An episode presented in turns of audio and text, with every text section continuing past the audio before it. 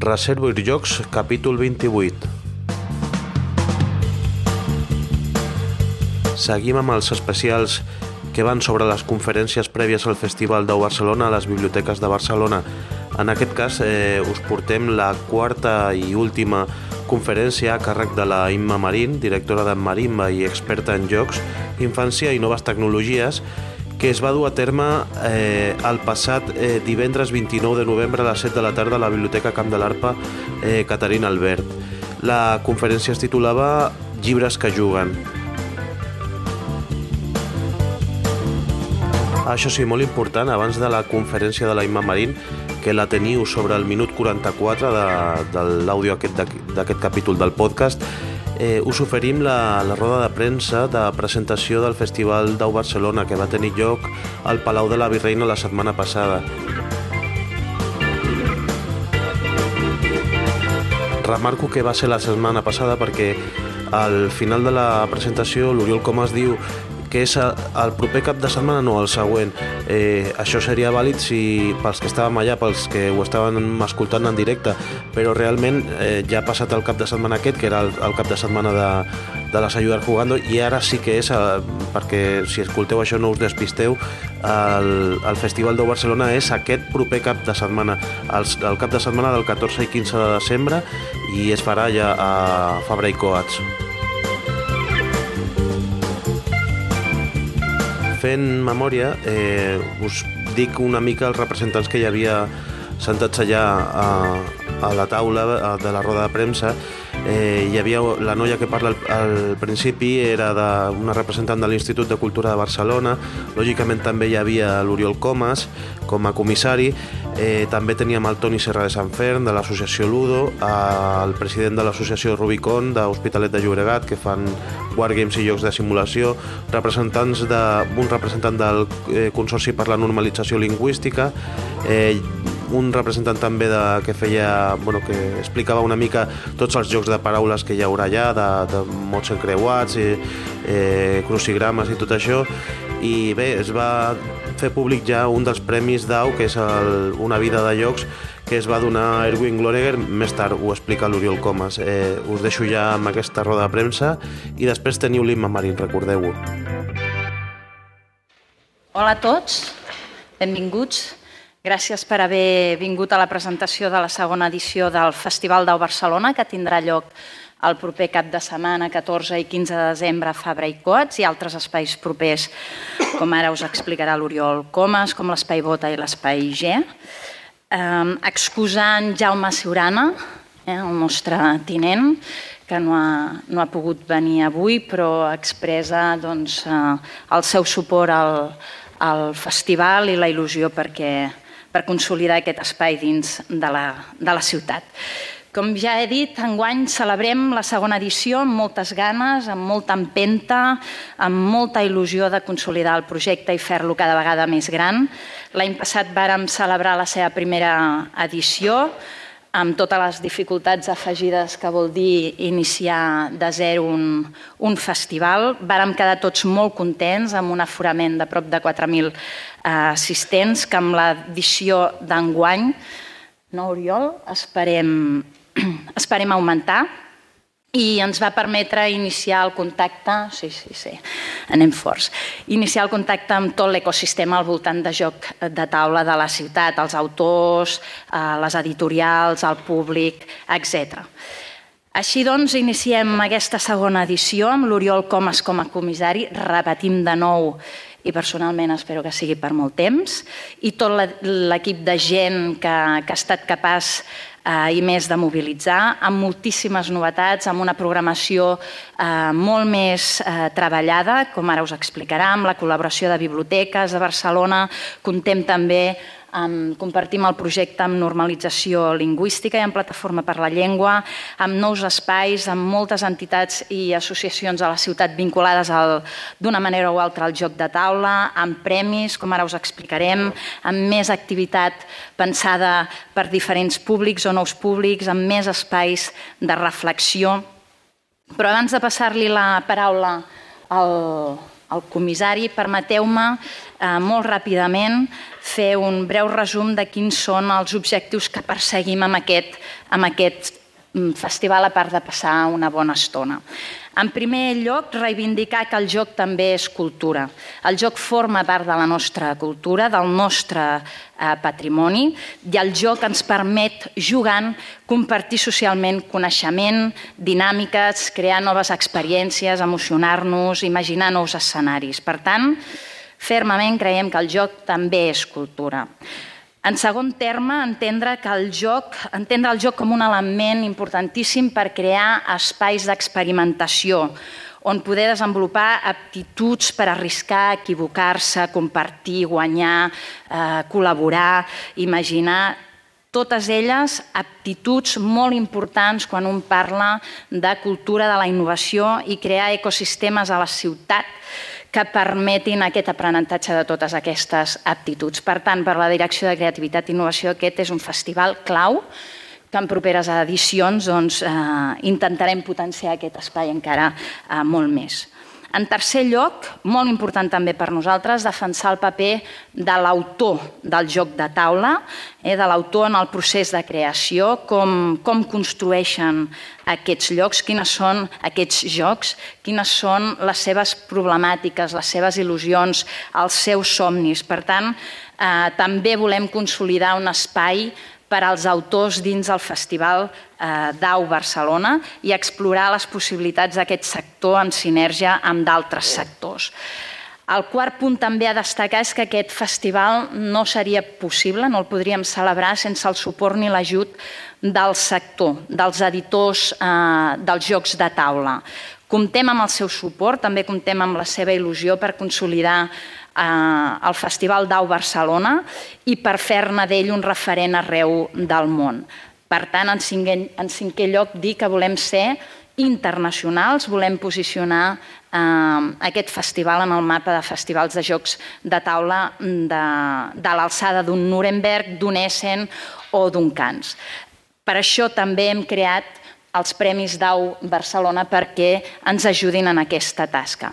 I per últim, també molt important per nosaltres, si estem convençuts que els jocs de taula eh, són cultura i formen part de la cultura, hem de posar accent també a convidar a jugar en català a Dau Barcelona. Per això compartim el projecte amb normalització eh, lingüística i convidarem en Jordi Manent després que ens en dongui eh, més detalls. Per tant, sense preàmbulos, si us sembla, dono la paraula al comissari, l'Oriol Comas, perquè ens expliqui amb més detall en què consisteix aquest festival. Gràcies, Inés. Bon dia. Bé, jugar és una cosa que fem des de sempre. Jugar va, va amb la humanitat i que juguem jocs de tauler, per dir en concret jocs de tauler, juguem des de fa uns 4.600 anys que sapiguem, que tinguem plenament documentat. Coincideix amb l'inici de l'escriptura, també. Per tant, juguem, podem dir des de sempre, però escrivim i juguem des de fa 4.600 anys. Potser de vegades juguem, juguem més o menys, però en conjunt jugar és una cosa que, que ens agrada sempre.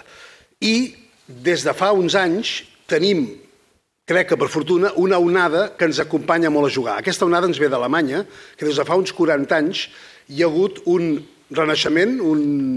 Eh, els jocs de taula han tornat a estar a, primer lloc en les activitats quotidianes de la família, perquè hi ha la indústria ha crescut molt, perquè hi ha moltes fires, perquè hi ha premsa especialitzada, i aquesta onada, repeteixo, afortunadament ens està arribant també aquí. L'acte de jugar és la coincidència feliç entre tres persones. Un creador, un editor i una persona que vol jugar. Sense, si un dels tres no existeix, la resta no, la resta no funciona. És per això que hi haurà molts autors a Dau Barcelona, que hi haurà molts editors i que esperem que hi hagi moltes persones que vulguin jugar. Com que precisament els autors són el, el nucli, són el, el cor de Dau Barcelona, perquè DAU Barcelona és un, un festival dedicat a la, a la creativitat, hem instituït aquest any per primera vegada els Premis DAU Barcelona. Els Premis DAU Barcelona, després direm els guanyadors, un guanyador, un guanyador.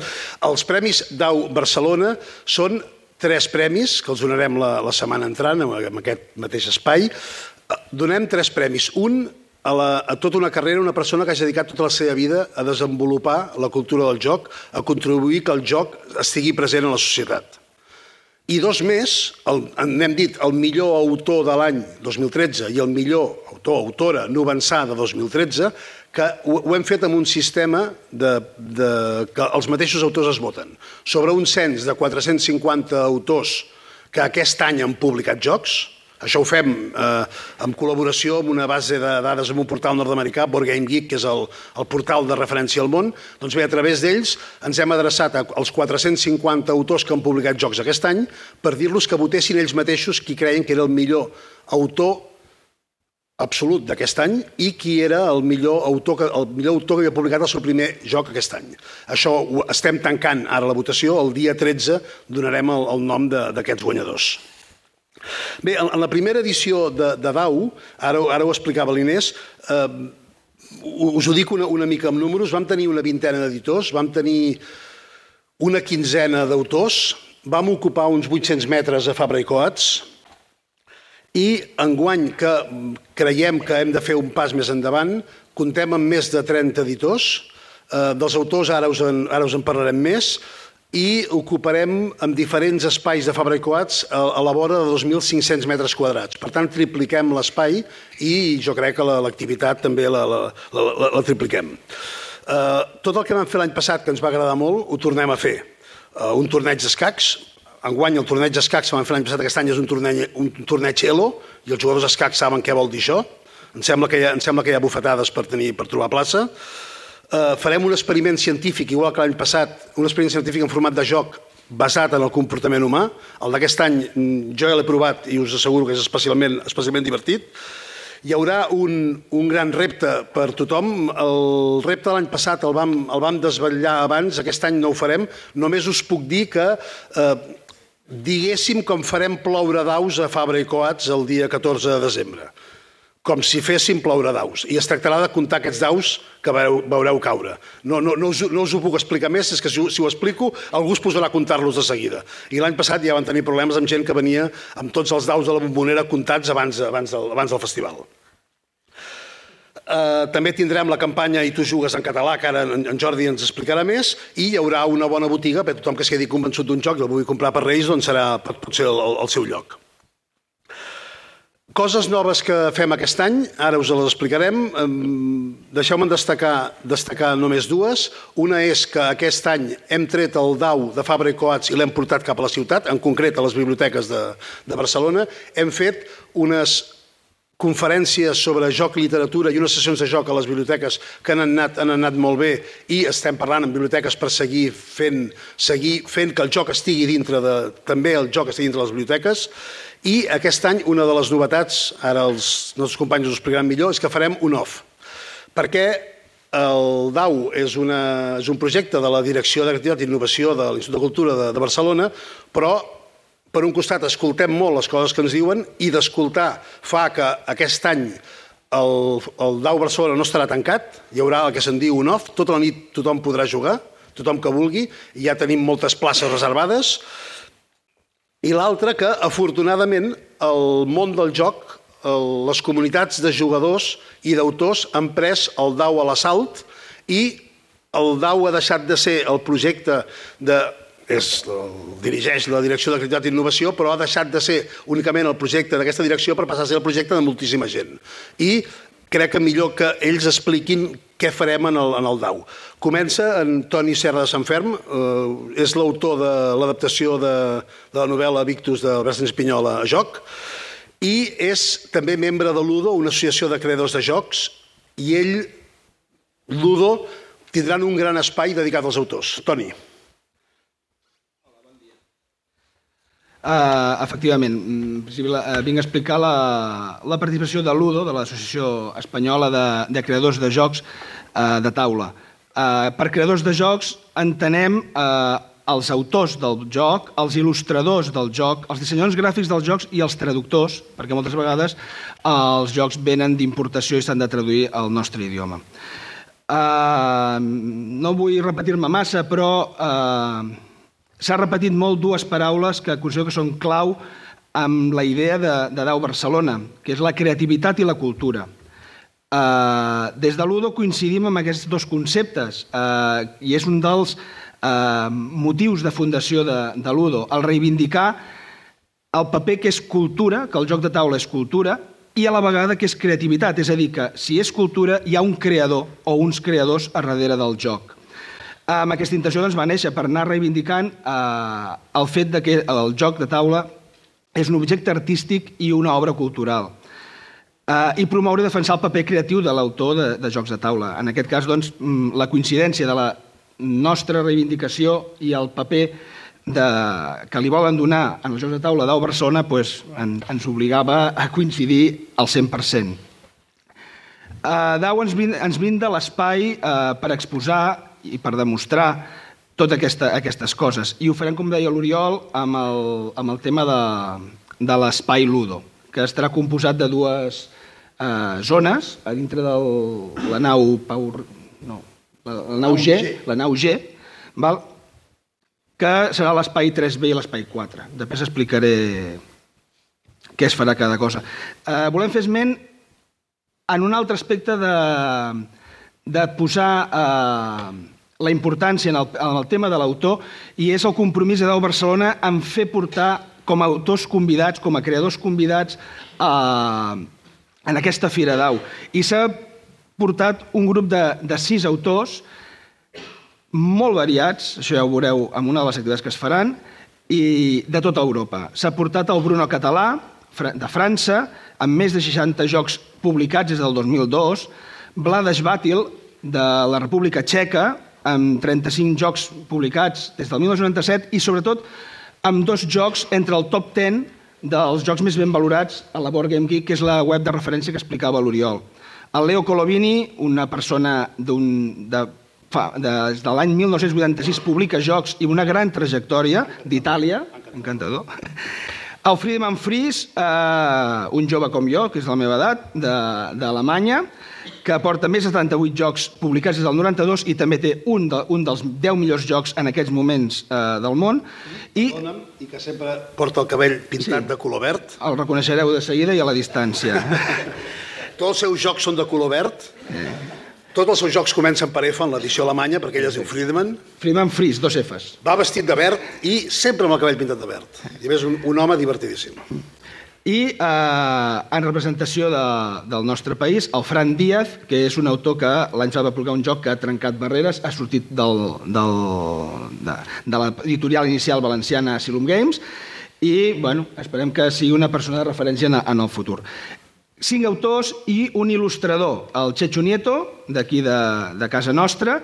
Eh, M'atreveixo a dir que segurament el dissenyador, l'il·lustrador de jocs de taula més prolífic del nostre país aquest, en aquests aquest, moments. Aquest any publica 13 jocs. Des del 2010 que va començar n'hi he trobat 43 aquest any jocs que ha il·lustrat jocs. ell. Sí, sí.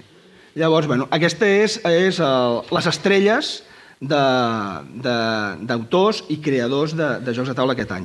En quant a activitats, el que deia, la nau G, hi ha dos espais. L'espai 3B, que se centrarà a la demostració de prototips. Serà un espai eh, lliure a que tots els autors novells o no tan novells és indiferent, però que vulguin un espai on poder jugar les seves creacions i tenir contacte amb, amb, eh, amb la gent que tingui ganes de provar aquests jocs nous, tindran el seu espai. És un espai dedicat a mostrar i compartir. Mostrar els jocs que s'estan creant, però també un espai on es pots compartir les teves creacions amb altres creadors i enriquir-te de les idees que puguin aportar la gent que es de més dedica a això. Amb la qual aconseguir un feedback és molt important a dintre del procés creatiu del joc de taula.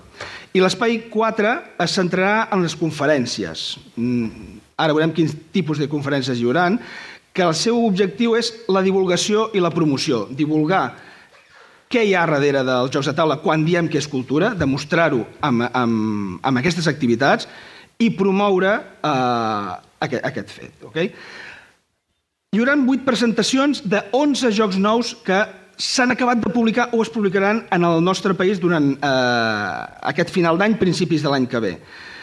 Quasi totes estaran eh, presentades pel propi autor i l'editor, vull dir que el, el desplaçament d'editorials d'Andalusia, Galícia, Catalunya, València i Madrid cap a les 10 persones per aprofitar aquest aparador per a noves eh, publicacions eh, ha tingut un, un ressò molt immediat en els editors. Només l'edit- l'editorial que ha dit els jocs de Friedemann Friese eh, en castellà ha fet, ha corregut per publicar, per presentar a Dau quatre jocs nous del Friedemann Friese. I aquesta editorial de Sevilla també publicarà un, presentarà un joc en català, editat en català, des de Sevilla. Mm, ah, sí. Hi haurà una presentació Work in Progress eh, de dos jocs que no és que es publiquin ara, es publicaran més endavant, però s'aprofitarà per fer una presentació de com es treballa el joc i com s'evoluciona. Els dos jocs són els dos jocs que l'editorial de Vir treurà basat en el, en el, joc, en el llibre de l'Albert Sánchez Pinyol de Victus. Hi haurà un concurs d'idees que ja ha començat. Va començar el cap de setmana passat i la deliberació del concurs d'idees serà, eh, es dirà el guanyador també durant les jornades. Aquest concurs d'idees és que es proposa un tema, en aquest cas, coincidint que eh, l'ESDAU es centrava en el tema de la literatura aquest any, el, el tema escollit és Fahrenheit 451 de Ray Bradbury i els participants han d'idear i plantejar un, plan, un joc en base a aquest, a aquest tema. Dues taules rodones, una eh, sobre el procés creatiu del joc de taula, que estarà, eh, serà el, el, el fet, l'activitat clau de les jornades perquè estarà a càrrec de, dels cinc autors convidats. Aquesta xerrada serà en anglès, Uh, I després d'aquest acte, qui vulgui podrà dirigir-se als autors perquè li firmin uh, jocs que puguin tenir comprats. La segona taula rodona és de la taula a la xarxa i servirà per uh, veure el paper dels mitjans de comunicació, concretament els mitjans de comunicació uh, online, els mitjans de comunicació 2.0, en la divulgació del, del paper dels jocs de taula, tant blogs com podcast, com publicacions online. I finalment dues conferències, una es titula El guionista creador de mons del joc a la taula de l'animació. Està portada per l'associació Tunaville, que és l'associació de dibuixants d'animació, de Guionistes. guionistes d'animació de, de Catalunya, i el Bruno Català, que és un dels, dels autors convidats, que li donen als seus jocs un caràcter bastant guió, bastant temàtic, bastant eh, palpable a lo que estàs jugant. I la segona eh, és la conferència que farà el Chechu Nieto, l'il·lustrador convidat, que es titularà La teva carrera com a artista gràfic en els jocs de taula i intentarà barrejar la seva experiència particular amb consells a tothom que tingui ànsies de dibuixar i tingui ganes de, de tocar aquest I tema. que promet ser molt divertida. Segur, El coneixem-lo, Chechu és un showman. Sí. Finalment, com a l'Oriol, hi ha l'Off uh, Dau, que és la nit, eh, pels que no n'hagin tingut prou amb les 10 hores que dura de dia el joc i vulgui jugar de nit, doncs continuarà eh, aquesta opció. Molt bé, gràcies, Toni. Ara, en, en Pau Vidal, que és escriptor i, i un dels millors crucigramaires del país, ens explicarà una de les altres opcions que hem pres a Dau, que era que hi hagués molt joc amb la llengua. Ens agrada el joc amb la llengua i n'hi haurà, n'hi haurà una pila que ara el Pau ens explicarà una miqueta. Sí, bon dia, perdoneu el retard, eh? Um, no tinc excusa, o sigui que no dic perquè he arribat tard, però uh, en qualsevol cas, um, el que sí que volia dir és que uh, l'Oriol Com és un tio molt espavilat i uh, encara que sembli que es passa la vida jugant, es pren les coses molt seriosament. Si va, es va estrenar al Festival d'Au l'any passat, va ser um, per fer una mica de prova perquè el festival important, el de, uh, el que tenia transcendència era el d'enguany. Eh? Ell l'any passat va pensar, si això no funciona em retiro, però si funciona l'any que ve la farem grossa, que és aquest. Per què? Perquè s'escau un centenari que per un dels sectors de malaltons del joc, eh, eh, que som els de, els de la graella, els, dels que de fet els que gastem menys en, en, en producció, no? perquè paper i llapis, bueno, i el diari, no? Eh, S'escau aquest centenari que us deia que és el del primer crucigrama mai publicat en un diari. És a dir, es pot dir que és el naixement oficial. Eh? Això el va fer aquest senyor americà, sempre els americans en aquestes coses van al davant, que es deia Arthur Wine, eh, ja el trobareu escrit al dossier perquè és di difícil de de d'allò. Eh, I per tant, per celebrar aquest centenari, que realment és com allò que dius, quan el Barça va celebrar el seu, eh, doncs la gent dels, dels crucigrames o mots encreuats, eh, celebrem el nostre enguany, concretament una setmana després, em penso que és el 21, però vaja, és el, és el mateix. Eh? Mm, De manera que aquest dau serà molt verbívor, eh? aquella paraulota que fa servir tant el Màrius Serra i que ens costa tant d'escriure perquè no sabem quan va la B i quan va la B baixa. Eh? L'altre dia es barallava amb una Twitter perquè deia que la B baixa anava al revés i clar, deia, soc el pare, l'he parida, com vols que no ho sàpiga? Eh? Doncs serà molt verbívor eh, perquè han, han trobat que celebrar-ho d'una sola manera era poc. Eh? L'Oriol sempre troba que s'ha d'embolicar les coses al màxim possible, emmerdar tanta gent com pugui, i llavors, la celebració és triple. La primera, perquè ens aclarim, és el, la celebració del centenari estrictament parlant. Eh, què hem fet? Doncs hem agafat um, a iniciativa d'en Jep Ferret, que, que sí que és la gran crucigramaire ocult d'aquest país, us recomano vivament que el feu, ell publica el periòdico. Uh, hem ja agafat... estic d'acord, ja estic d'acord. Veus? Si, si l'Oriol ho diu, és que és veritat. Uh, hem agafat el model original, que és aquest, les graelles nosaltres estem acostumats a les de diari d'ara, de 14 per 14 o 13 per 12, que són els dos models, però aquest era la, la, la primera que va fer aquest senyor, no sé per què, sincerament, no sé per què uh, aquest, aquest fan aquí dalt, eh? de totes maneres, com que és nadalenc, nosaltres en diem fun, eh? Pensar, el 21 de desembre, fun, fun, fun. És el tipus de... Llavors, hem agafat tots la mateixa graella, cadascú l'ha omplert, com si fos feta d'ell, llavors l'ha definida. Quan dic cadascú, dic tots els eh, crucigramaires o, agafat fora aquesta no la saps, eh? creu de mutaires, eh? si algú té nassos d'escriure això, és una proposta, com que no tenim oficis del crucigrama, perquè no, no, el crucigrama no existeix, ja ho sabeu i tal igual, doncs clar, no sabem com... Quin ofici tenim? Llavors, a mi em van proposar una vegada que ens diguéssim creu de mutaires. Si algú és prou valent per escriure-ho, eh, si no, crucigramaires també. Però en fi, crucigramaires sona bé. Crucigramaires sona bé, sí, té una cosa una mica xiroquívola, però... Però bueno, ja la, ja la superarem. Ja la superarem. En qualsevol cas, eh, som vuit, eh? Els, els vuit millors crucigramaires dels mitjans en català, que no me'ls feu dir perquè sempre ens descontem, però són, que són Pais, Periòdico, Vanguardia, Ara, Avui, Avui i Punts són el mateix, n'hi ha dos del Periòdico, em penso, l'Ara ja l'he dit, en fi, vuit, no, no, no me'ls feu recordar, però vaig a tots els diaris, no? Um... I, I fins i tot en Jordi Fortuny, que els fa normalment en castellà, en fa un en català per, d'aquest quadern. Exacte, aquest, és, aquest és el que em faltava, que també és el millor crucigramaire no català. Sí, d'acord. en qualsevol cas, tots els malaltons que vulguin tindran les 8 creelles a disposició eh, per completar-les i després, amb una d'aquestes coses complicades que s'inventa Jeff Ferret, ja trobarà la manera de trobar un guanyador, eh? perquè és, és, és possible, és fàcil que hi hagi un empat si tothom la resol. Eh? Això per una banda.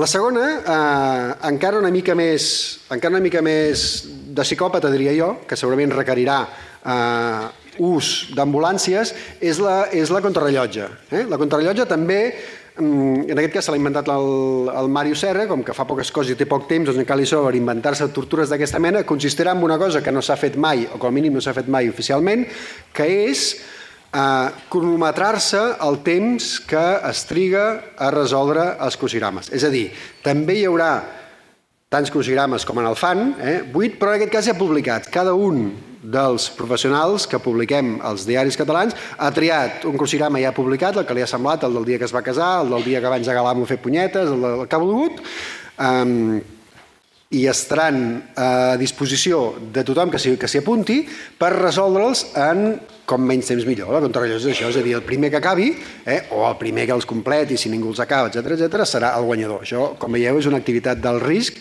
perquè, clar, tingueu present que estem parlant, ha el que al diari, no sé si, si en sou practicants, però és una cosa que se pot endur fàcilment a un quart d'hora, 20 minuts, se sap de gent que s'hi ha passat dies, eh? Però clar, aquí estem parlant d'una hora per resoldre en 8. És a dir, que estem a nivells de conoscalada de Montjuïc, eh?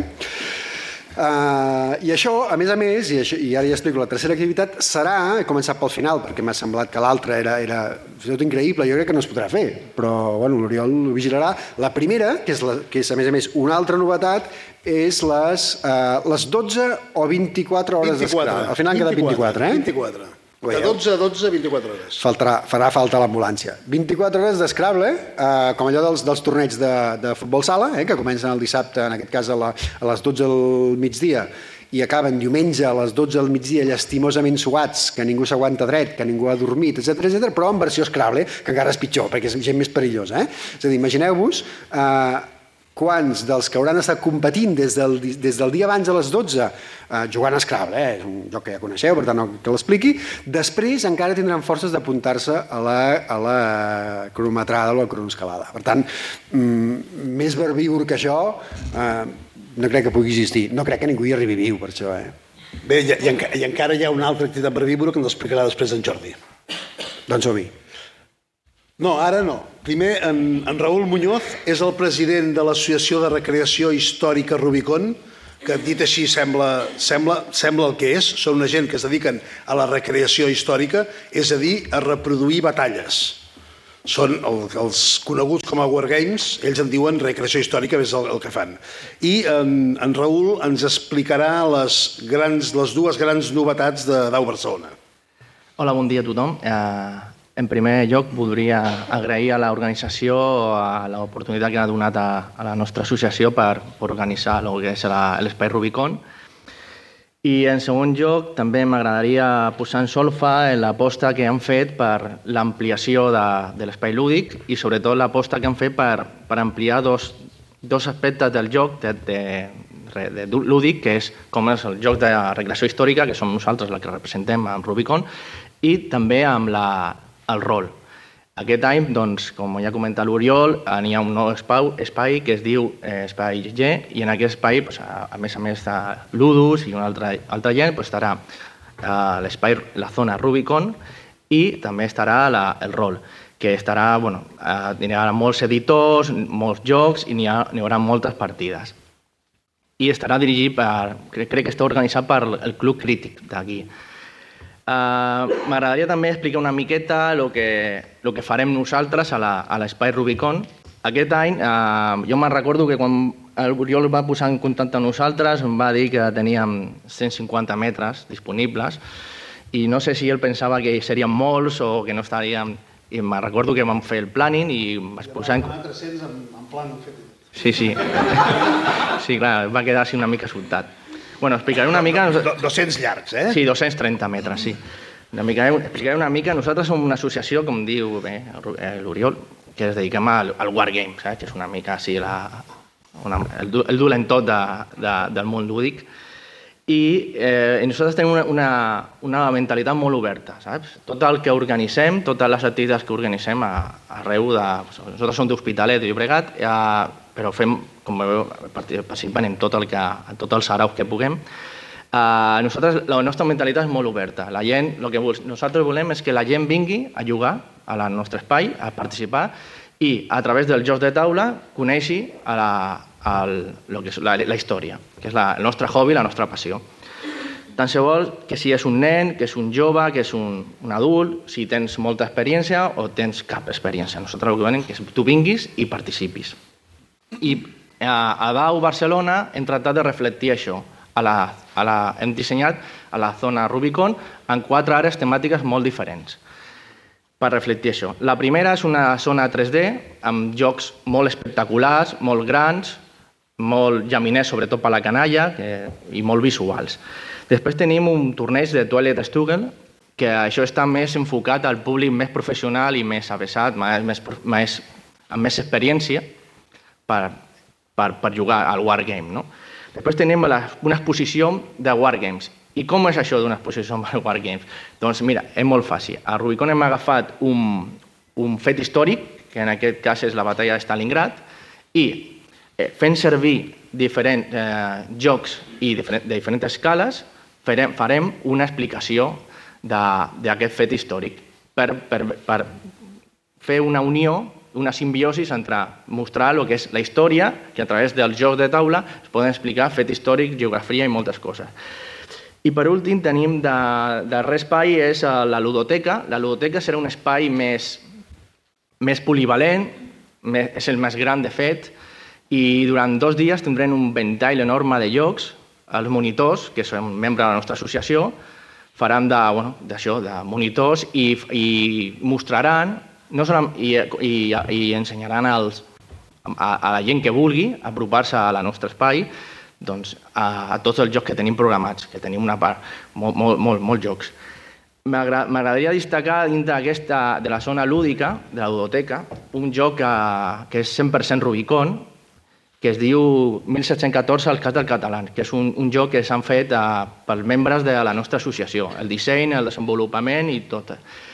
I bueno, aquí tenim, a, a aquesta sala tenim l'alma mater d'aquest projecte que es diu Ivan Parat, que és el, el, el dissenyador i és el coordinador de tot aquest projecte.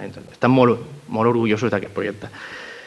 Tot res més, primer agrair-vos a tots vosaltres que esteu aquí i convidar-vos a tothom que vingui al DAU i que vingui a, a la nostra zona i que amb nosaltres que creueu al Rubicom, saps? Amb, amb nosaltres. Doncs res més, jo crec que és, ja està tot. Gràcies, Raül. I ara sí, el, Jordi Manent, que és el director del Centre de Barcelona del Consorci per la Lingüística, que ens explicarà que el Consorci i la Direcció d'Unitat són socis en el projecte DAU perquè, com que el joc és cultura, volem jugar en la nostra llengua. Moltes gràcies. Oriol, abans, com que també és com una sopa de lletres, això dels, del centre i del consorci, explico. Uh, jo sóc director del Centre de Normalització Lingüística de Barcelona. Uh, hi ha un consorci, que hi ha 22 centres, i fins i tot de nosaltres mateixos de vegades és difícil d'entendre. Però bé, hi ha 22 centres dins del consorci, en aquest cas el centre de Barcelona doncs és el que, el que hi participa.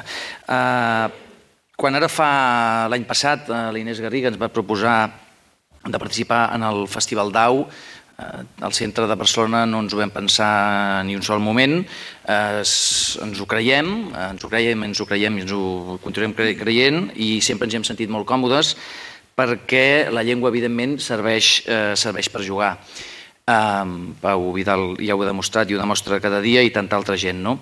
Té més implicacions el tema de la llengua, uh, no només uh, divertir-te i jugar, sinó també té una implicació d'ús social oral, uh, és a dir, el català crec que en els últims anys potser és el que s'havia de fer i no dic que no s'hagi fet malament, és el que s'havia de fer. Les institucions han sentat molts esforços amb el català a l'escola, això és important i ha de continuar sent així, però el català en aquest sentit també ha de sortir eh, fora de l'aula, ha de tenir, eh, s'ha de poder desenvolupar en els ambients d'oci i evidentment en el joc de taula, els jocs i les joguines, doncs hi hem de ser i encara més també perquè hi ha, hi ha públic jove. La nostra presència en el Festival d'Aua d'enguany eh, doncs, eh, consisteix bàsicament igual que l'any passat amb, amb un estant. Eh, en aquest estant eh, farem alguns tastos eh, de jocs de taula, evidentment en llengua catalana, és el que ens pertoca a nosaltres. Eh, també tindrem doncs, eh, un concurs, eh, sortejarem algun concurs que ja fem des del nostre Facebook per eh, esperonar la gent que vagin al Festival d'Au i allà sortejarem dos enigmarius, però a part d'això, el diumenge a la tarda de dos quarts de cinc a dos quarts de vuit de la tarda Uh, farem un concurs de l'Enigmarius, que sabeu que està fet pel Màrius Serra, no sé si puc dir, puc dir l'altre autor, el senyor, un tal Oriol i de cognom Comas. Aleshores, eh, farem aquest eh, concurs. Els participants interessats s'hi han d'apuntar allà a l'estant del mateix eh, Centre de Normalització Lingüística, Consorci, i bé, eh, farem aquest concurs el diumenge a la tarda.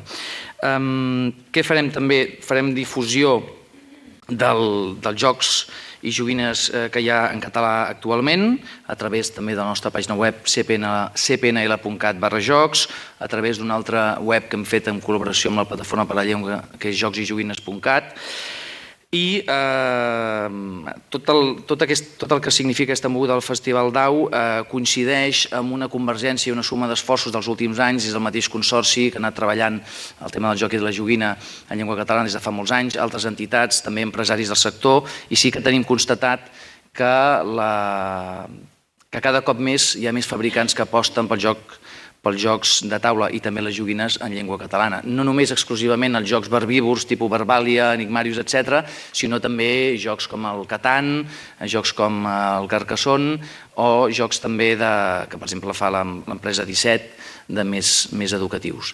Per tant, sí que hi ha un creixement continuat i sostingut dels jocs i joguines que hi ha en català al mercat i que es van fabricant. Paral·lelament a això, per ajudar els botiguers, per ajudar als consumidors que puguin trobar els jocs i joguines en llengua catalana i per ajudar, evidentment, a la venda dels jocs i també els fabricants, nosaltres eh, fem la campanya I tu jugues en català des de fa l'any passat també, que consisteix en crear un circuit en el qual eh, es puguin trobar eh, jocs i joguines en llengua catalana i lligat tant el distribuïdor com el fabricant amb el distribuïdor i alhora amb el venedor, és a dir, el botiguer, i el consumidor que pugui saber en quines eh, botigues pot trobar aquests jocs que de vegades, eh, almenys darrere, els últims anys, costava de trobar. Aquest creixement de fabricació de jocs i joguines i eh, aquesta posada en escena de 54 botigues que de moment tenim a Barcelona adherides a la campanya I tu jugues en català i que per tant són sensibles en oferir eh, aquests jocs i joguines que el client demana i si no el tenen a la botiga doncs el demanaran. Tot això eh, ajuda a potenciar la venda de jocs i joguines en català, ajuda a potenciar l'ús social, l'ús parlat de la llengua catalana i, evidentment, també en el Festival d'Au. Per tant, nosaltres molt contents de col·laborar en el Festival d'Au i que sigui per molts anys. Gràcies, Jordi. Bé, ara, Inés, només ens queden dues coses. Una, eh, agrair tota la gent que fa que el DAO sigui possible, especialment el teu equip que estan fent una pila d'hores extres, ja t'ho trobaràs. I després eh, hem d'explicar dels tres guardonats dels Premis Dau Barcelona. Un, el jurat es va reunir la setmana passada, per tant ja el podem anunciar. Sí, no? El Premi a una vida dedicada al joc, que reconeix el treball d'una persona que hagi contribuït de manera especial a la divulgació dels jocs de taula o que hagi aportat un canvi substancial en la percepció social dels jocs. El jurat va estar format per en Marc Figueres, que ja el coneixeu tots vosaltres, un blogger dintre del sector del joc de taula, l'Oriol Comas, i jo mateixa, el Daniel Giral Miracle, en representació del Consell de Cultura de Barcelona, el Josep Maria Joan, director del Museu del Joguet de Catalunya, i la Montserrat Oriol com a secretària de l'Institut de Barcelona. El jurat, després d'una llarga deliberació, ha decidit, ha decidit atorgar el premi a ho dic jo? Ho dius tu? No? Vinga. A Erwin Glonegger, director editorial de la casa de jocs alemana Ravensburger fins a la seva jubilació al 1985. Els motius per als quals se'ls eh, se li ha atorgat el premi és perquè va saber reconèixer que podria haver-hi una ràpida internacionalització del mercat dels jocs i va entrar en contacte amb nombrosos autors amb els quals va treballar per introduir noves idees en els jocs. Va ser la primera persona en la indústria internacional del joc de taula que va saber veure que un joc és una obra de creació i que, per tant, el paper dels autors hi és fonamental i irreemplaçable. Oriol, vols afegir alguna cosa? Bé que el, el dia 13 de desembre a les 7 de la tarda, just abans de començar el, el, el DAU, que serà dissabte a les 10 del matí, farem una gala aquí mateix per donar els, aquests tres, aquestes tres persones el premi. El senyor Glonegar té 88 anys, ahir ens va dir que estava molt, molt honorat i que era molt feliç, però que, que li deixéssim un, un, una nit per pensar si es veiem cor de venir.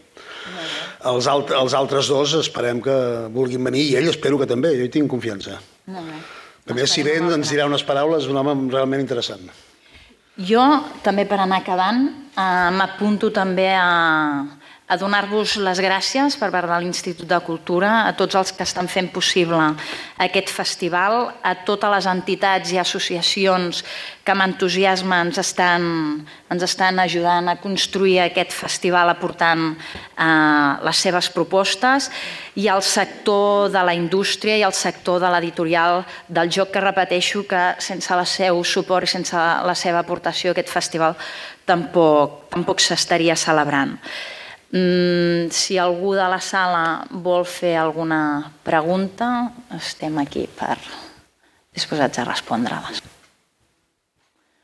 Doncs, uh, Oriol, tanquem no? ja la sessió. Doncs gràcies per haver vingut i, i bueno, convidar-vos a que el proper cap de setmana vingueu a jugar amb nosaltres, que jo crec que no? ens ho passarem bé. El proper l'altre. No. Eh? proper? El proper, a l'altre, és veritat. És veritat, l'altre. Jo ja aquest... Aquest també podeu jugar, però no serà dintre de Barcelona. De fet, jugar cada dia una mica va molt bé. Això. Es viu més i es viu millor. Gràcies. Gràcies.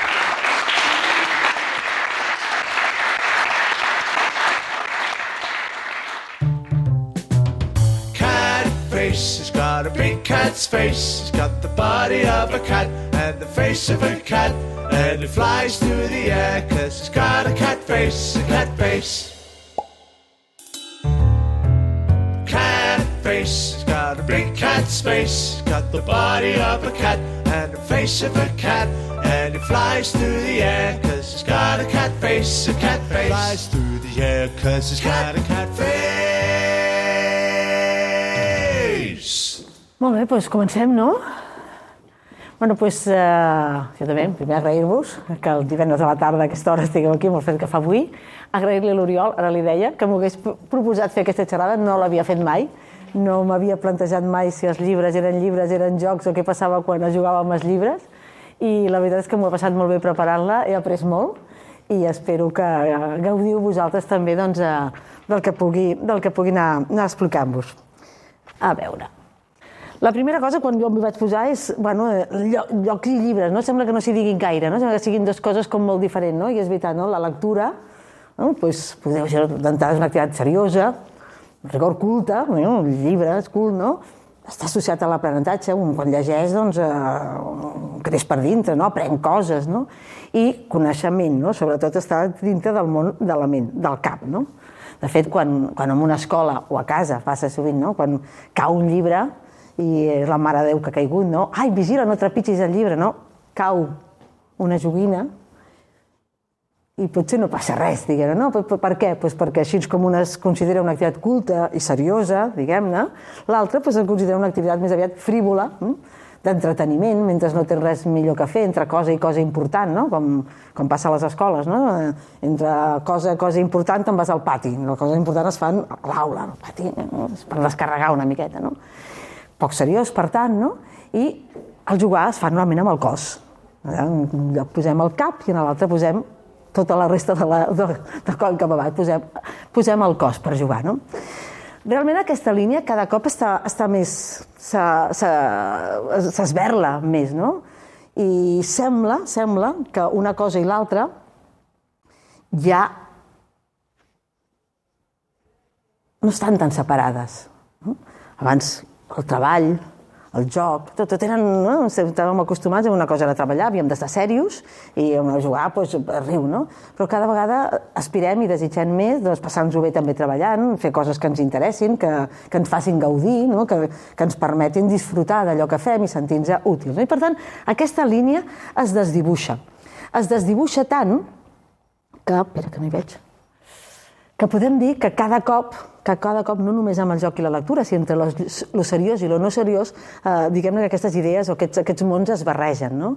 I a mi m'ha agradat posar aquest cor aquí darrere, no? perquè realment eh, quan parlem de llibres i jocs, el que, el que estem parlant és de com el cos i la ment estan realment barrejats en un sol, en un, en un, en un sol espai. No? Estem utilitzant tot nosaltres, estem disfrutant amb, amb tot, amb el cap i amb la ment. Per tant, hi ha una mica de tot. Hi ha d'aprenentatge, hi ha entreteniment, hi ha seriositat i lleugeresa. Posava aquí, seria com, com això que s'ha posat de moda parlar del flow, no? És dir, quan tu estàs fent alguna que tu estàs passant molt bé, molt bé, molt bé, el temps passa i no te n'adones, no? Estàs disfrutant amb allò que fas i, per tant, te, te n'oblides. I pots estar molta estona concentrat en, alguna altra, en una cosa, però que tu estàs passant bé, el temps perds aquella noció. No? Llavors, bueno, això és una miqueta la interacció.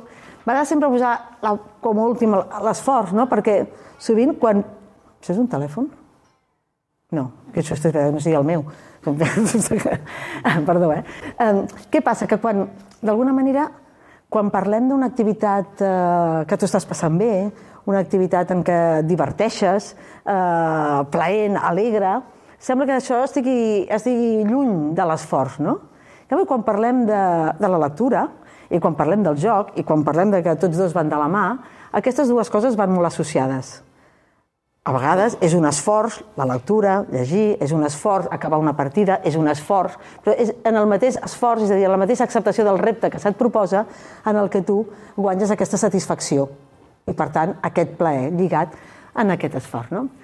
Jo, el resum d'això, de, del, dels llibres que juguen, diguem-ne, per mi seria com una espècie de màgia, no? Però el llibre, que és una cosa estàtica, semblaria, no? D'entrada, des del això, allà s'està, no? Quiet, no? Doncs de repent pren vida i, i, i, i és màgic. és màgic, passen coses que, que, que, que no... Sempre un llibre no? eh, conté una màgia dintre, però mai saps què et trobaràs, què llegiràs, quin, quines aventures viuràs llegint allò. No? Però si a sobre els llibres s'obren com aquests, doncs la màgia eh, eh, ja no és només que la, la llegeixes, sinó és que la veus i la toques, diguem-ne. No? Per tant, aquí la, la paraula final per mi seria llibres que juguen igual a màgia. Són màgics, més màgics que una altra cosa. De fet, la primera cosa que quan l'Oriol em va parlar llibres que juguen em van venir dues coses al cap. Una, la primera va ser aquesta. Nens, llibres, de fet, aquí una de les uh, línies o tipus o de llibres que juguen ràpidament són els llibres de la petita infància. Quan els llibres comencen a ser no només per la gent gran, per la gent, pels que llegeixen, sinó també pels que no llegeixen, que és això, tot, tot una revolució, no? Llibres per, per, per qui no llegeix. Mare, pot, pot haver un llibre per qui no llegeix? Pot haver un llibre sense lletres? Sí, hi ha llibres que no tenen lletres hi ha llibres que estan pensats per les que no llegeixen, qui te'n diu després uns quants, no? Tots aquests llibres es basen en jugar. Són jocs, mm, són aprenentatges, propostes, idees, aventures, mm, coneixement que es trasllada els nens i nenes que no llegeixen, tot jugant. Aquí en tenim, després podeu mirar, toques, mires, obres, eh, eh, mil coses, on toques els colors, eh, es poden tocar els colors, hi ha llibres que et proposen tocar colors, no? Això també és força màgic, no? Les pestanyes, no?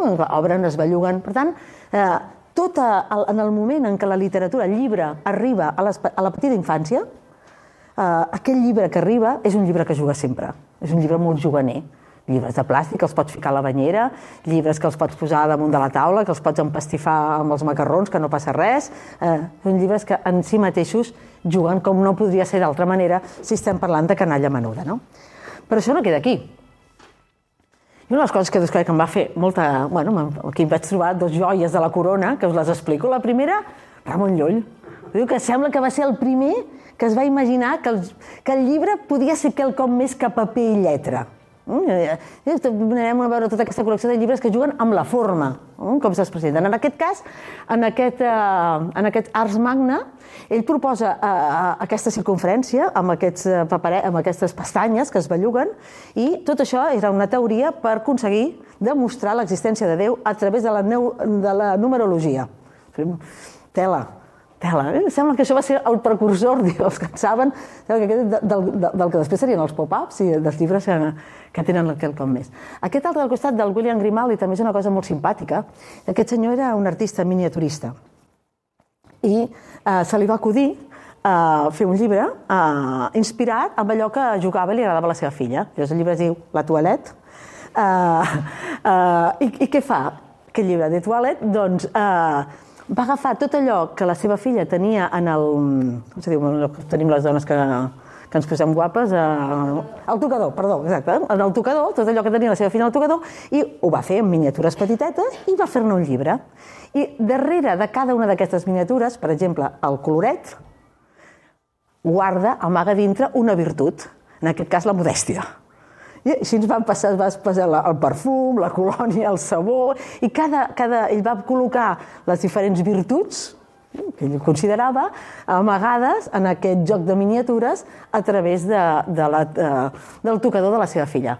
Al cap d'uns anys això li va agradar tant mm, que en va fer un altre eh, pensant en el seu fill, en aquest cas era una armadura, i a darrere, a vegades darrere de l'armadura també estaven pues, totes les virtuts que ell va considerar que, que els nens doncs, havien d'estimular. De, havien Aquí tenim de primeres llibres que es juguen amb la forma.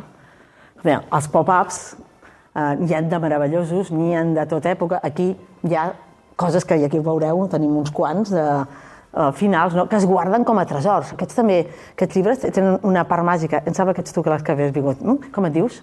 La Marta, la Marta, que els, els hem agafat. Hi ha uns quants que ha portat la Cristina de, de Baulino, uns altres que ens ha deixat la Marta de la biblioteca.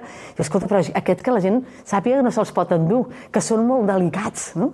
És veritat, tots aquests llibres, els pop-ups, són llibres molt delicats, eh, industrialitzar-lo realment és un procés molt complicat. De, per tant, tot el que és també la cura pel detall, el, el tractar de forma amable i, i, i, i amb cuidado les coses eh, va unit a aquesta mena de llibres que no es poden tractar com els que dèiem abans, que no passa res, que els podem ficar a la banyera, que poden anar per terra... No. Aquí, aquí el que aprens és una altra cosa molt diferent. Aquí el que aprens que has d'agafar-los amb cuidado, que no els pots tocar, que si els estires gaire doncs, i, la, i eh, acabes trencant-los, per tant, que quan els has de plegar has de vigilar molt com els plegues, perquè si els plegues malament el pop-up, etc etc etc. Per prova avui la de vigila, vigila. La mare, què en farem d'aquests? Què en farem? Què en fareu? No et preocupis. Mm? Fins i tot, aquests altres, per exemple, no? Eh, després parlarem de les caixes, perquè aquí tenim alguna, no? Llibres que juguen, com aquests, no? que a més a més van dintre d'una caixa que porten coses. Ja, ja, ja el llibre s'amaga dintre d'una caixa. Ja és la, la sorpresa d'obrir la caixa i veure què hi ha dintre. D'on ve tot això, no? Ens trobem aquests, eh, el, Tom, el Tom Dean, que va ser, sembla que va ser un dels primers, senyor, cap al 1800 aproximadament, que va atrevir-se a, entre cometes, industrialitzar aquest procés. Fins a aquell moment eh, tot el que es feia, com el, el d'abans, el miniaturista, el Williams, doncs era fer de mà, a mà un per un, diguem una cosa com molt casolana. O, eh, a partir d'aquí, aquesta gent es dediquen a dir, no, no, anem a veure si podem fer això, a produir-ho i, per tant, fer, fer uns quants eh, i vendre-ho, no? I a partir d'aquí surten aquests, aquests llibres. Els primers de tot amb pestanyetes, aquí també en tindreu amb aquests, no? pestanyes que entren i surten, que aquí ja es veuen, no? però també amb, amb pop-up. I aquests, no? Eh, aquest senyor comença al principi, després del seu fill que continua, i creen tot un, uns, uns mecanismes no? uh, per, per això. De fet, uh, els hi diuen llibres-jocs. Mm, després ens ha quedat com pop-ups i tal, però els primers noms que ells utilitzen és precisament aquell llibre-joc. No? Llibres jocs. Continuen com els que en teniu aquí, de Pocoyo, de llicències, esto, um, molt associats a, sobretot a la primera infància, quan en un principi no sempre era així, si heu vist els primers, ja, per canalla més gran, o els, aquests de, de, del, del Tom Dean, no, no eren exclusivament per nens. Eh? A vegades, això passa també en el món de la joguina, aquest tipus de llibres moltes vegades s'ha acabat infantilitzant. I ara costa molt trobar un llibre pop-up que sigui per adults. Estan pensant, com si només poguessin ser els nens que disfrutessin d'aquest tipus de, de, de màgia que té un llibre, no, no, tindria per què, no tindria per què ser així. Continuem jugant amb la forma. Aquesta és una de les últimes, de les últimes novetats. El Heron Stilton resulta que ens proposa olorar. I la proposta és com oloren les fades, com oloren eh, els trolls, com oloren... Eh, ja em sembla que són vuit, sí, ocho olores, vuit olor perfumes a tufos. És a dir, el de les fades eh, és una oloreta preciosa, que una flaire encantadora, però en canvi el dels trolls, més vale el dels dracs o, o el pet de drac, pues, pot comptar que no és cap olor. De... tu frota i el llibre el llibre no només el llegeixes, només el toques, sinó que en aquest cas el llibre l'olores, no? no? Vegeu com cada cop és com si el llibre, eh, en el moment que es posa a jugar, ens, ens convida, d'alguna manera, a, a, que, a que tota la nostra activitat sensorial estigui en marxa. Si no només veus i llegeixes, sinó que toques, que olores, no? Hem vist tota una sèrie de llibres que juguen en la forma, Mm, als obres hi apareixen coses, fan olor, eh, toques, interactues, es belluguen, però hi ha tota una altra col·lecció de llibres que juguen amb el contingut. La forma en què es presenten és el que varia. No? Els primers que ens arriben són aquesta col·lecció del Pacar, sembla que va escriure, sembla que van ser uns 90 llibres aquest senyor, eh? no sé, però eh, no arriba al 100, però poc li va faltar, molts, molts. Li va anar bé, aquest va ser el primer almenys el primer que es va publicar aquí a Catalunya. A Catalunya en van publicar en català 70 i pico. No tots, però quasi tots. O sigui, aquí vam ser uns grans aficionats a, a la lectura d'aquest senyor. Anys 70, fins, sí, finals dels 70-80, és quan apareix això i realment eh, són una revolució, un llibre que et permet prendre decisions i un llibre que et permet pues, seguir tu l'aventura que, que vulguis no? i anar veient endavant i darrere prenent les decisions que, que consideres. És una forma diferent fins a aquell moment de llegir, de llegir. Triomfa, sobretot, entre la canalla més jove, però no solo. Jo aquí tenéis un exemple de jo que sóc mare de canalla d'aquestes edats, diguem-ne, que a l'hora que se'l llegia ell me'l llegia jo, que anava més ràpida i, i sabia el final abans. Diguem-ne. Per tant, o sigui, un llibre molt senzill, amb moltes coses, però que realment eh, et proposaven una altra forma diferent. Començaven a proposar-te una lectura que no era lineal. No era, primero, eh, no, no, si tu podies escollir, vaig per davant, vaig cap enrere. No? I d'aquí passem a uns altres. Aquesta sèrie continua amb eh, l'Esteany, amb aquests pesadilles, que hem trobat una a la biblioteca, no sé de quina biblioteca ve, però encara no ho veiem, 795 pesetes. Esto era una joia, 795 pesetes. Buah! Mm. En aquest cas, segueix la mateixa idea de eh, tu pròpia aventura, però en aquest cas eh, és bé, són pesadilles, és misteri, eh, pànico, mm, terror, diguem-ne, però a més a més té, té la gràcia de que moltes vegades no ets tu qui decideix, sinó són circumstàncies. Per exemple, si avui és dijous, vés a la pàgina tal. I si és dimarts, vés a la pàgina qual. O si eh, és de dia, és del matí, passa una cosa, però si és al vespre, et pot passar una altra. És una altra manera d'enfocar aquesta, aquesta història de... Aquest senyor també, no sé quants escriu, però també va tenir... Uh, li, li, va anar bé, li va anar bé. Aquesta aventura de les pesadilles li va anar bé. Tenint en compte que les, les pesadilles sempre, sempre molen, sempre venen. Passar una mica de por i a més a més si està en un llibre i pots tancar-lo i anar-te'n a fer una altra cosa, vull dir que no, doncs això, això agrada. Per tant, i estem als anys 90, o sigui que tampoc fa, tampoc fa tant de temps, eh? Aquí ja digue un moment per a la publicitat. Aquí tenim un altre llibre. Aquest és un llibre que hem, escrit entre una altra companya i jo mateixa. Eh? El tenim aquí. Eh? Que és, segueix la mateixa història, la mateixa idea de eh, descobreix la teva aprendura, però està pensat per adults. I està pensat per adults en el món de l'empresa. I la forma de presentar els casos doncs es fa jugant, en aquest cas. No? I, doncs, ara, si tu ets aquest, i prens aquesta decisió, què passaria, i tens diversos finals, etc etc etc. És a dir, que és un recurs que no només es pot es juga amb els nens, sinó que es pot jugar eh, amb qui vulgui jugar amb tu. Vale. Tenim ara un altre grup de, de llibres que juguen, no? que també n'hem portat uns quals. Clar, continuen jugant amb el contingut. En aquest cas no és tant el llibre en tal que jugues, sinó el llibre que et proposa jugar i et proposa jocs que a vegades es contenen els mateixos llibres, podríem, per exemple, els, els llibres dels sudokus, oh, podrien estar també en aquesta categoria, o els llibres de, de, de lletres, exactament igual, però aquí en tenim pues, juegos d'ingenio, los juegos, juegos y juguetes tradicionales, o aquests, per exemple, llibres que tenen que són taulers. En aquest cas, em sembla que la Navarro que s'han escrit també n'ha fet molts d'aquests, diguem-ne, en què el propi llibre és un tauler, tu el treus, a darrere tens totes les fitxes, et proposa jugar, i tens tot cinc o sis taulers. És com los juegos reunidos Hyper, però en format libro, diguem-ne. N'hi ha menys, aquí n'hi ha set o vuit, no hi ha més, diguem-ne. O, mira, també m'ha fet il·lusió portar aquest, perquè és aquest que ja només trobes de, de vell, Esto és una d'aquestes paraules mayores. Eh? En aquest cas és un llibre que el que t'explica són jocs d'arreu del món. I a més te'ls te documenta, i a més a més a darrere encara t'explica pues, com, si te'ls vols fer tu, com te'ls pots fer. I mm, pues, tota aquesta manera també, eh, aquí no jugues tant ni en el contingut ni en la forma, sinó que el llibre està pensat per despertar les teves ganes de jugar. I t'ho posa fàcil, perquè t'explica coses del, del joc curioses, eh, històriques, eh, eh, simpàtiques, divertides, eh, i a més a més t'explica com fer-ho, com jugar. I a més a més, en alguns casos, et dona fins i tot ja les fitxes i no te pone el dado perquè et dona allò perquè el retallis i, o, o diferents maneres de poder-te fer un dau si és que no en tens cap a mà, no? Papa, aquí. I entrem en un altre univers de, de, de llibres que juguen. A més, l'univers dels llibres que juguen amb la forma, l'univers dels llibres que juguen amb el contingut, els univers de llibres que ens proposen jocs perquè ens despertar-nos a les ganes de jugar, i ara entrem en uns altres.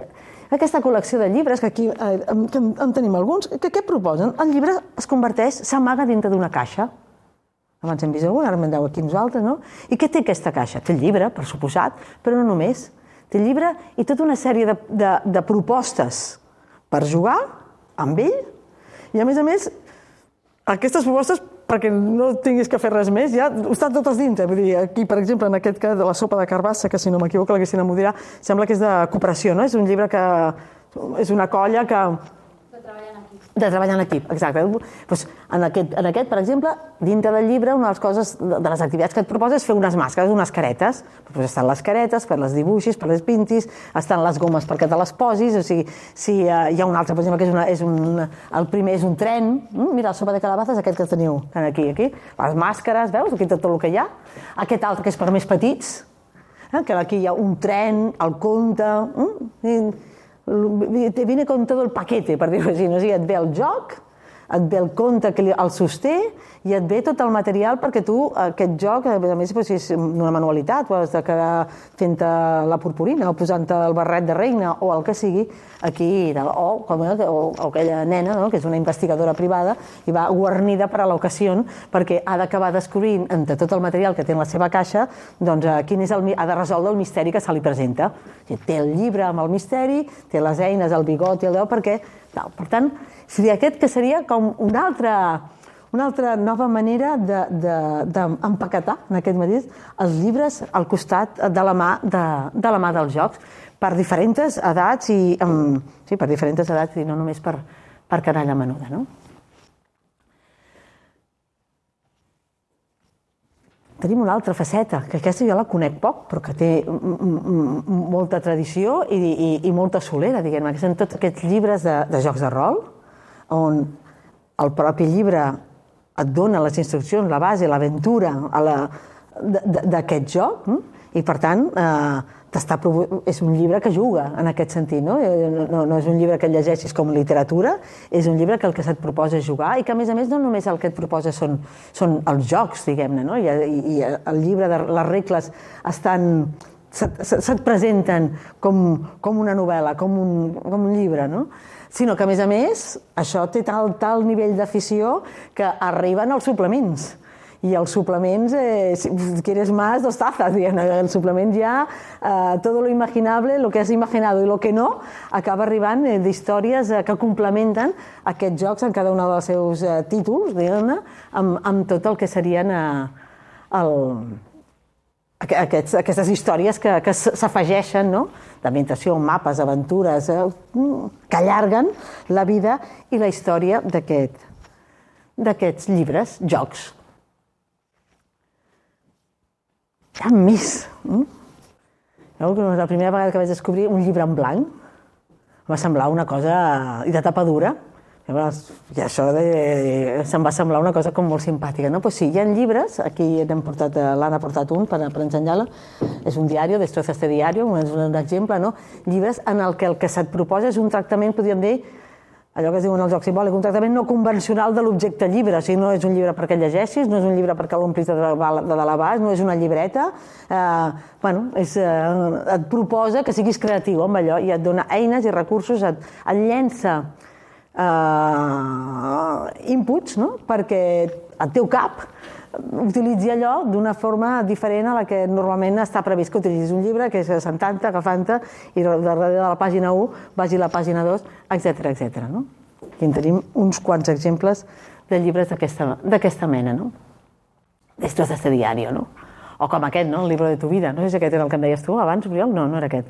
No? Este, este es otro, no? Un, un que viene en blanco, ¿no? I et proposa que te l'escriguis, ara t'expliquis aquí, que no és un diari, no, no, no és la idea de diari, i a més el que et proposa és que siguis tan, tan atrevit amb el que expliques a, com, com ho expliques, no? que realment sigui una eina d'expressió de, teva no? per, per tu. No? Per tu.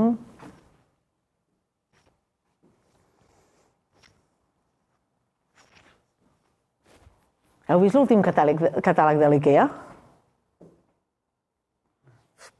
Veieu-lo, si no veieu el vídeo que explica què fa el catàleg. Després tornarem aquí, no? però aquest m'ha semblat, eh, amb aquest ús no convencional dels objectes, i que ja fa un pas, fa un, un, un catàleg amb, amb realitat augmentada. Després tornarem una mica a aquest tema. No? Però en aquest cas, que et proposa? Tu tens el teu catàleg, l'obres per la pàgina que tu vols, el fotografies amb, el, amb el teva tablet i apareixen els mobles d'IKEA en el menjador de casa teva i a part de que pots provar com quedaria el sofà a la dreta o com quedaria a l'esquerra, a més a més jugues. A més a més jugues. I si us poseu el vídeo, el, el vídeo d'IKEA, és realment molt divertit veure eh, tota, bueno, totes les coses que pots arribar a fer jugant, en aquest cas, a través de, del, del, seu, del seu catàleg. En aquest cas, la taula que veieu aquí doncs no està, la taula està en, en, en l'aplicació. Hi ha altres llibres que continuen jugant, no? Aquest Paraules Majors, no? el llibre del, que aconsegueix que el llullo corri. Mm? I que llibres eh, en què la cantonada... Eh, N'hi ha molts. Mm? Flip, Flipbooks, Flipbox, Flipbox, si és que jo entre mi memòria i mi anglès, uh, Flipbox, exacte, d'aquests n'hi ha, no? Però en aquest cas això va més enllà. Això és, és, és agafar la idea del Flipbox i portar-la a crear un somni. Els llibres que juguen, d'alguna manera, no només et fan el cap i el cos, sinó que d'alguna manera el que també se't proposa és que somis. Somis com, com, com ho fa aquell llibre, no? I com ho va fer Llullo i el Màrius, no? I encara no hem parlat del llibre digital. Jo, clar, sí, és un llibre, no és un llibre, què és? Juga, no juga? Mm, un primer em vaig quedar aquí i vaig dir, això hem d'anar més enllà, ara no, això no, no ho podem aturar aquí, això, això, això necessita... Això pot evolucionar i, de fet, ho està evolucionant, no? I la primera cosa em vaig trobar amb això, que em va semblar fascinant. És l'antecessor, el, ante, el primer llibre digital de la història. Això ho va fer una senyora, una mestra, pedagoga, del Ferrol, que bueno, estava preocupada per, per lo durs, difícils, poc motivadors que eren els llibres de les escoles de l'època. Aquesta senyora va inventar una enciclopèdia, l'enciclopèdia Juego, l'enciclopèdia mecànica. L'enciclopèdia mecànica tenia dos parts, Uh, aquesta que veiem aquí, amb aquests carrets, cada un d'aquests carrets uh, era una assignatura, geografia, matemàtiques, llengua i tal. Bueno, tenia luz i sonido. O sigui, ho, ho tenia tot. Ah, la, no es va poder comercialitzar perquè hi havia altres activitats a l'època, en les notes de premsa t'ho explica així, és, és molt simpàtica la història de, de l'Àngela Ruiz Robles, no?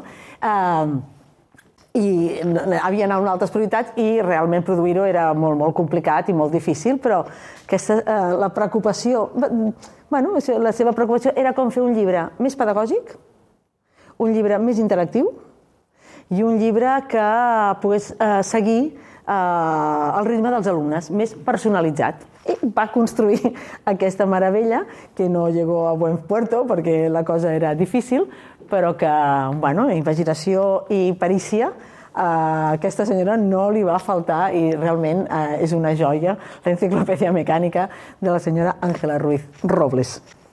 Ferrol. D'aquí arribem als llibres, als e-books.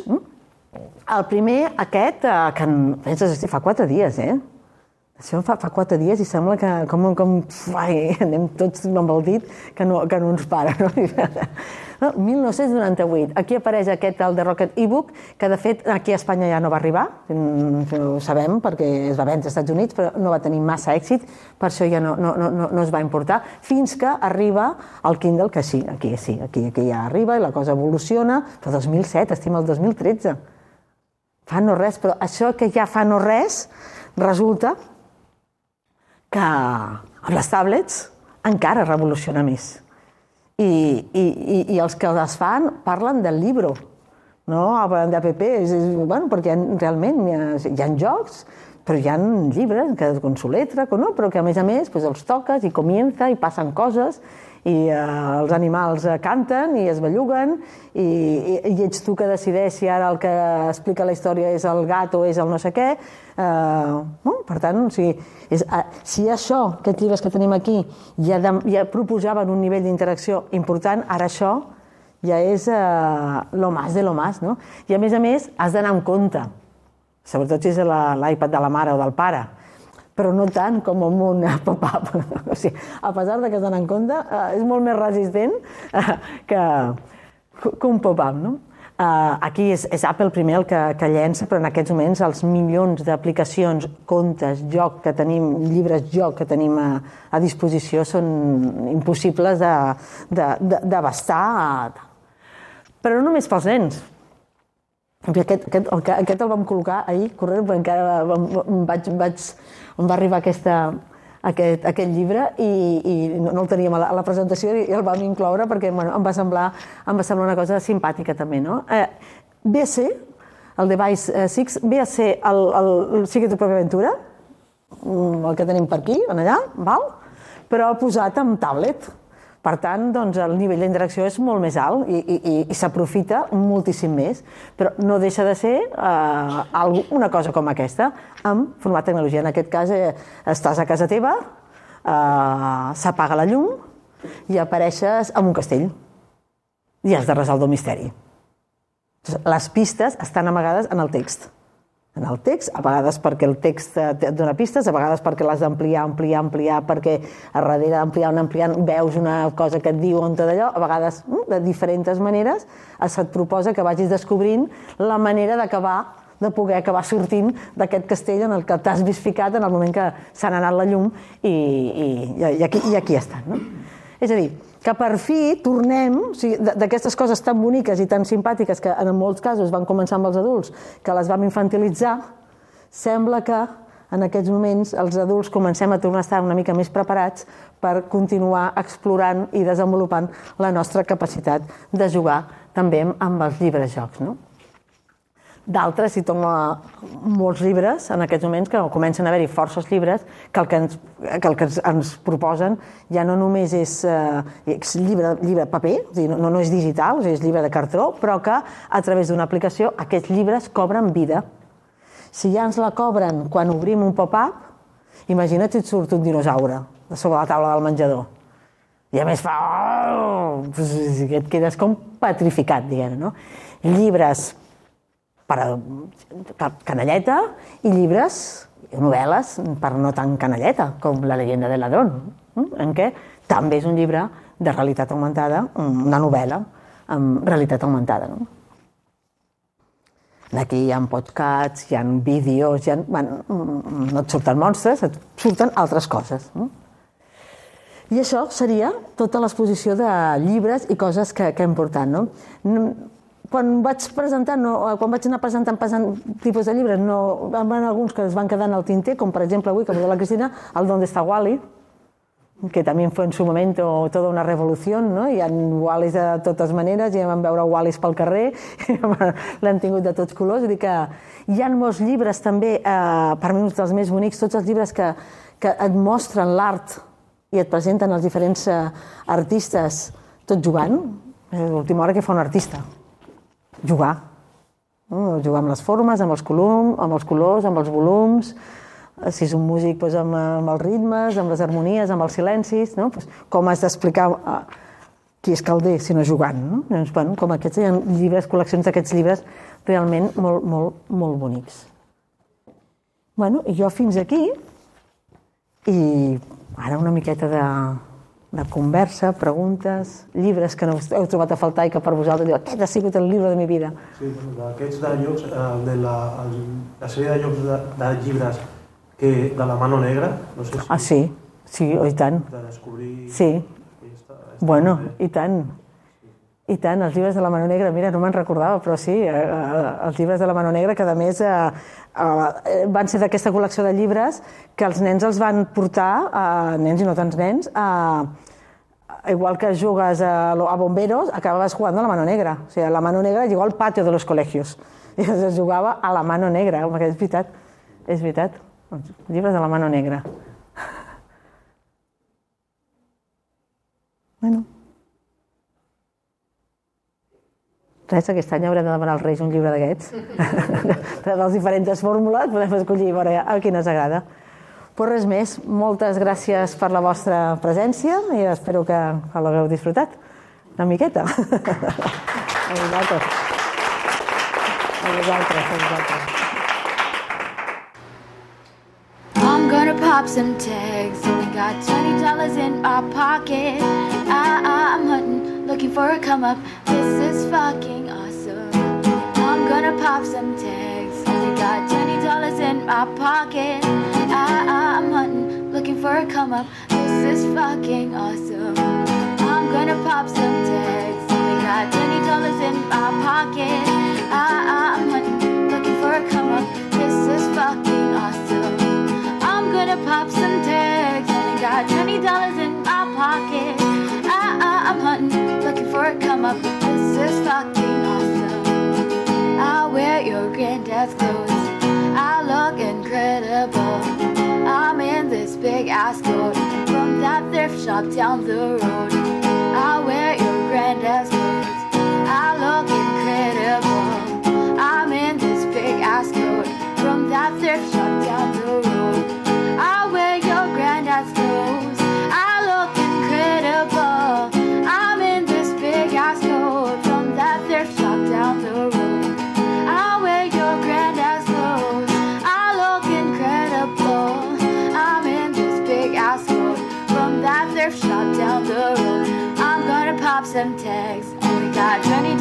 In my pocket. I, I'm hunting, looking for a come up. This is fucking awesome.